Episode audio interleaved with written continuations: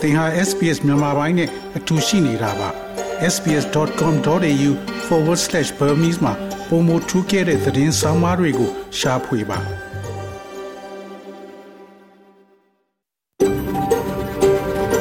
SBS A world of difference You're with SBS Burmese on mobile, online and on radio. mobile online နဲ့ radio ပေါ်မှာသင်ဟာ SPS မြန်မာပိုင်းနဲ့အ တူရှိနေတာဖြစ်ပါတယ်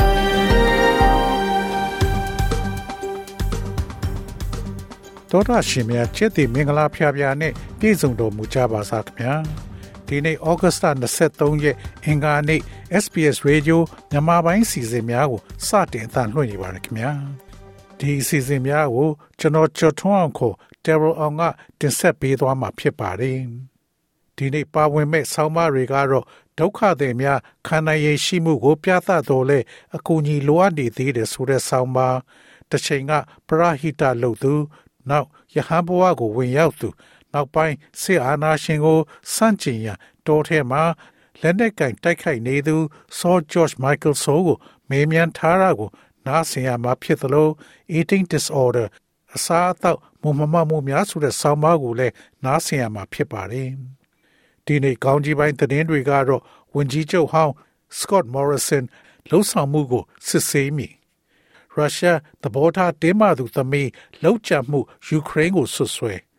အင်းစိန်ထောင်ပောက်ကွဲမှု အာဏာရှင်စစ်ဆေးမှုများပြုလုပ်နေ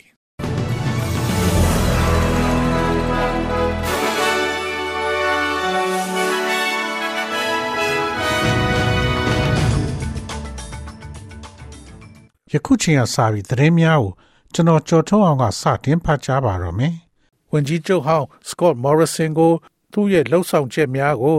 စစ်ဆေးမိ။ဝန်ကြီးချုပ်ဟောင်း Scott Morrison ကိုဝန်ကြီးဌာနအများအပြားသို့သူ့ကိုယ်သူခန့်အပ်ခြင်းနဲ့ပတ်သက်လို့လွတ်လပ်သောစုံစမ်းစစ်ဆေးရေးတရက်ပြုလုပ်ရန် Federal အစိုးရအဖွဲ့ကသဘောတူညီခဲ့ပါတယ်။ ယနေ့အင်္ဂါနေ့တွင်ဩစတြေးလျနိုင်ငံရဲ့ဒုတိယအမြင့်ဆုံးဥပဒေအရာရှိက၎င်းရဲ့တရားဝင်ကြရဲရိုက်ခိုက်မှုနဲ့ပတ်သက်တဲ့အကြံဉာဏ်ကို ထုတ်ပြန်ခဲ့ပြီးဝန်ကြီးချုပ်ဟောင်းအားတာဝန်ရှိအစိုးရ၏အဓိကခေါင်းဆောင်များကို ထိခိုက်စေခဲ့ကြောင်းပြောဆိုပါတယ်။လှိုးဝဲဝင်ကြီးယာဒုခမှုများသည်တရားဝင်သည်ဟုဆိုတော်လဲ၎င်းတို့ကိုလှိုးဝဲထားခြင်းဖြင့်ဖွဲ့စည်းပုံအခြေခံဥပဒေပါ သဘောတူညီချက်များနှင့်မကိုက်ညီပဲသင့်လျော်စွာဖွင့်လင်းမြင်သာမှုမရှိဟု အကြံပြုထားပါသည်။ခံမှုများနှင့်တာဝန်များအားလုံးကိုထည့်သွင်းရန်ထုတ်ပြန်ထားသောဝန်ကြီးဌာနစည်ရင်းပုံစံကိုပြောင်းလဲခြင်းအပါအဝင် အပြောင်းလဲအများအပြားကိုပြုလုပ်ရန်အကြံပြုထားပါတယ်။ဝန်ကြီးချုပ်အန်သိုနီအယ်ဘနီစီကစုံစမ်းစစ်ဆေးမှုတစ်ခုသည်အနာဂတ်တွင် ဒီလွတ်လပ်နေသော ခွဲလပ်များကိုတားဆီးရန်အတွက်ပုံမချေပြန့်သောပြဿနာများကိုစစ်ဆေးလိုက်မှဖြစ်ကြောင်းပြောကြားခဲ့ပါတယ်။ Mr. Albanese ကဥပဒေကြောင်းအရနောက်ခံရှိသူဦးဆောင်တဲ့နောက်ထပ်စုံစမ်းရေးကော်မရှင်တစ်ခုသည်ပုံမချေပြန့်သောပြဿနာများကိုကြီးစုရန်လှုံ့ဆော်သွားမှာဖြစ်ကြောင်းပြောကြားသွားပါတယ်။တဘောထားတင်းမာသူရဲ့သမီးဖြစ်သူလောက်ကျန်ခံရခြင်းအတွက်ယူကရိန်းကိုဆွဆွဲ ရုရှားကျူးကျော်ချိန်မှစပြီးယူကရိန်းစစ်သား9000နီးပါးသေဆုံးကြောင်းယူကရိန်းကပြောလာစေမှာပဲရုရှားရဲ့ဥဆောင်သဘောထားတင်းမာသူတဦးရဲ့သမီးဖြစ်သူလောက်ကျန်တပ်ဖြတ်ခံရခြင်းနဲ့ပတ်သက်ပြီးရုရှားကယူကရိန်းအားတနင်္လာနေ့တွင်ဆွဆွဲလိုက်ပါတယ်။ယူကရိန်းအားကျူးကျော်မှုကိုခိုင်ခိုင်မာမာထောက်ခံတဲ့ရုရှားတရားသေသမား Alexandra Dugin ရဲ့အသက်29နှစ်အရွယ်သမီးဖြစ်သူ ဒါရီယာဒူဂျင်နာသည်စနေနေ့ကမော်စကိုမြို့ပြင်၌ထိတ်လန့်ပွဲရာကားပုံပောက်ကွဲမှုအတွင်းသေဆုံးခဲ့ခြင်းဖြစ်ကြောင်းရုရှား FSB လုံခြုံရေးဌာနကပြောဆိုပါတယ်။ journalist နဲ့နိုင်ငံရေးအစည်းအဝေးတင်ဆက်သူဒူဂျင်နာကိုယခုကဲ့သို့တပ်ဖြတ်ခြင်းအတွက်မိသားစုအားစာနာစိတ်မကောင်းဖြစ်ရကြောင်းသတင်းစကားပါရာတွင်ရုရှားသမ္မတဗလာဒီမီယာပူတင်က မသိတီးစရာရာဇဝတ်မှုအဖြစ်ရှုံချလိုက်ပါတယ်။ဘုံကွဲမှုရဲ့လက်သက်ဖြစ်သူမှာ1989ခုနှစ်ဖွားသူယူကရိန်းအမျိုးသမီးတဦးဖြစ်ပြီး၎င်းသည်ဒူဂျီနာနေထိုင်သော တိုက်တန်းလျားမှပင် အခန်းကားနေထိုင်ကြောင်း FSB ကပြောဆိုပါတယ်။ကားပုံပေါက်ပြီးနောက်တွင်၎င်းသည် EU ဖွဲ့ဝင်အက်စတိုးနီးယားနိုင်ငံသို့ထွက်ပြေးသွားခဲ့ကြောင်း Facebook ဖော်ပြထားပါတယ်။ အင်းစိန်ထောင်၌ပောက်ကွဲမှု အာဏာရှင်စစ်ဆေးမှုများပြုလုပ်နေရန်ကုန်တိုင်းအင်းစိန်မြို့နယ်အင်းစိန်ဗဟိုအချင်းထောင်၌ဩဂတ်လ22ရက်နေ့မနေ့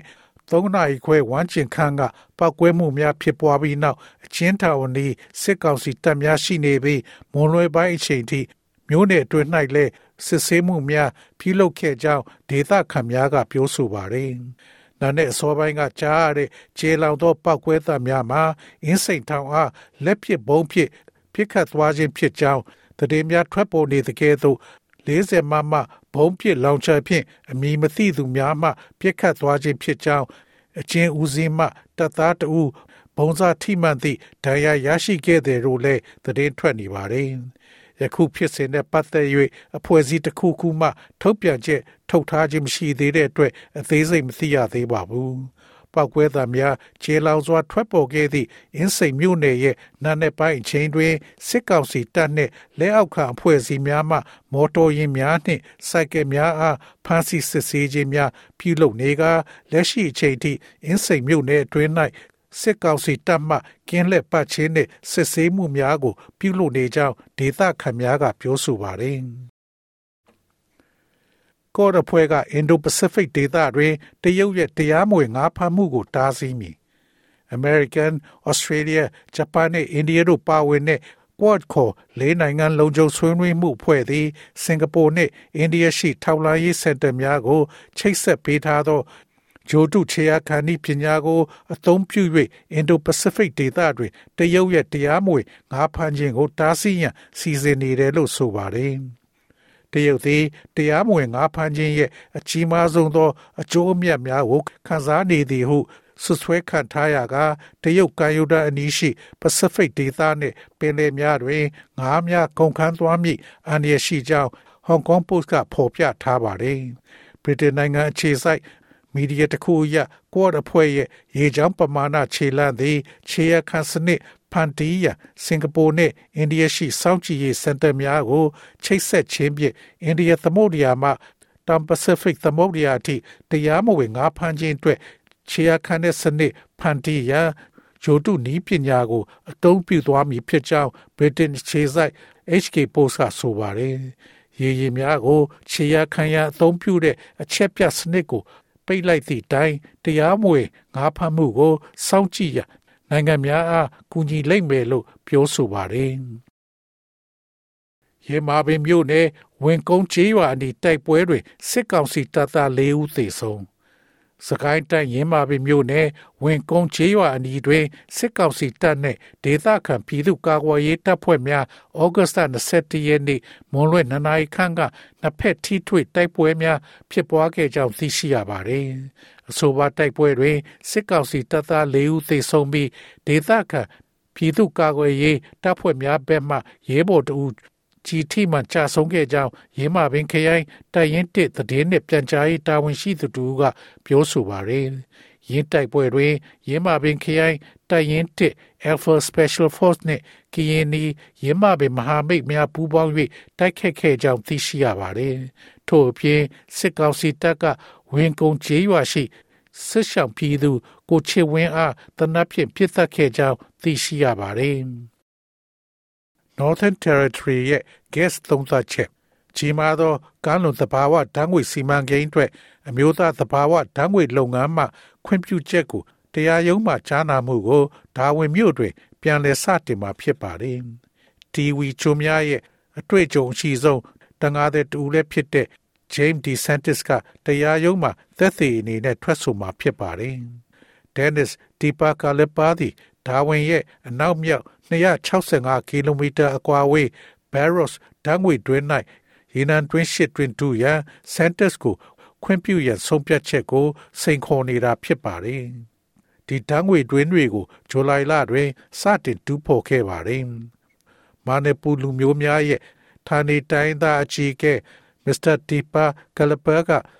ကာမဒီရဲ့သဘာဝပတ်ဝန်းကျင်ဆိုင်ရာအစီအစဉ်နဲ့ပတ်သက်ပြီးတိုင်ပင်ခြင်းမပြုခဲ့ပဲစီမံကိန်းသည်၎င်းတို့ရဲ့ပင်လယ်နိုင်ငံကိုပျက်စီးစေမှာကိုစိုးရိမ်ကြောင်းပြောဆိုခဲ့ပါတယ်။ SBS SBS SBS SBS SBS This is SBS Radio. ငွေလဲနှုတ်မှာတော့ Australian dollar ကိုမြန်မာကျပ်ငွေ1450ကျပ်ရရှိပြီး American dollar ကိုမြန်မာကျပ်ငွေ2108ကျပ်ရရှိပါတယ်။ Australian dollar ဟာ American 68စက်နဲ့ညီမျှပါတယ်။မနေ့ဖြန်ဩစတြေးလျတိုက်မှာရှိတဲ့မြို့ကြီးများရဲ့မိုးလေဝသခန့်မှန်းချက်ကတော့ဆင်နီမြို့မှာအပူချိန်18ဒီဂရီစင်တီဂရိတ်မှာဖြစ်ပြီးများသောအားဖြင့်နေသားမှာဖြစ်ပါတယ်။မဲ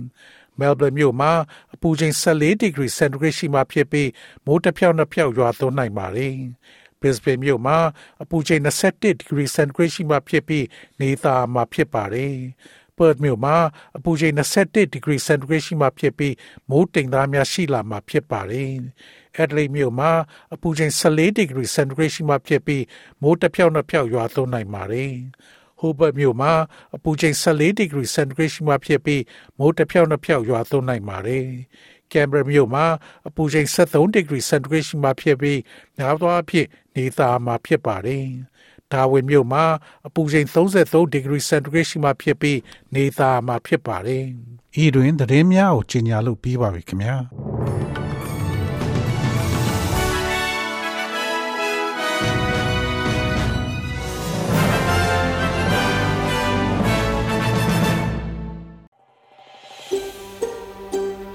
ဒါမျိုးသတင်းဆောင်မာတွေကိုပိုနားဆင်လိုပါလား Apple Podcast Google Podcast Spotify တို့မှာသင်ပင်ရာဖြစ်ဖြစ်ရယူတဲ့ podcast ကနေပါ။